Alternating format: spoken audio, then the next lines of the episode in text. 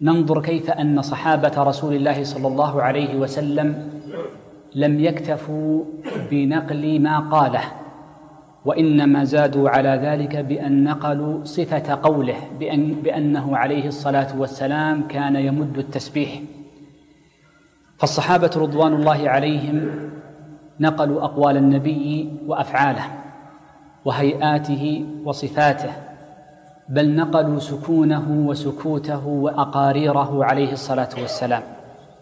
فرضي الله عنهم وأرضاهم.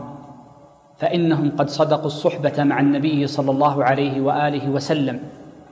وكان لهم فضل على أمة محمد صلى الله عليه وسلم بنقل ما تلفظ به النبي صلى الله عليه وآله وسلم وفاه به.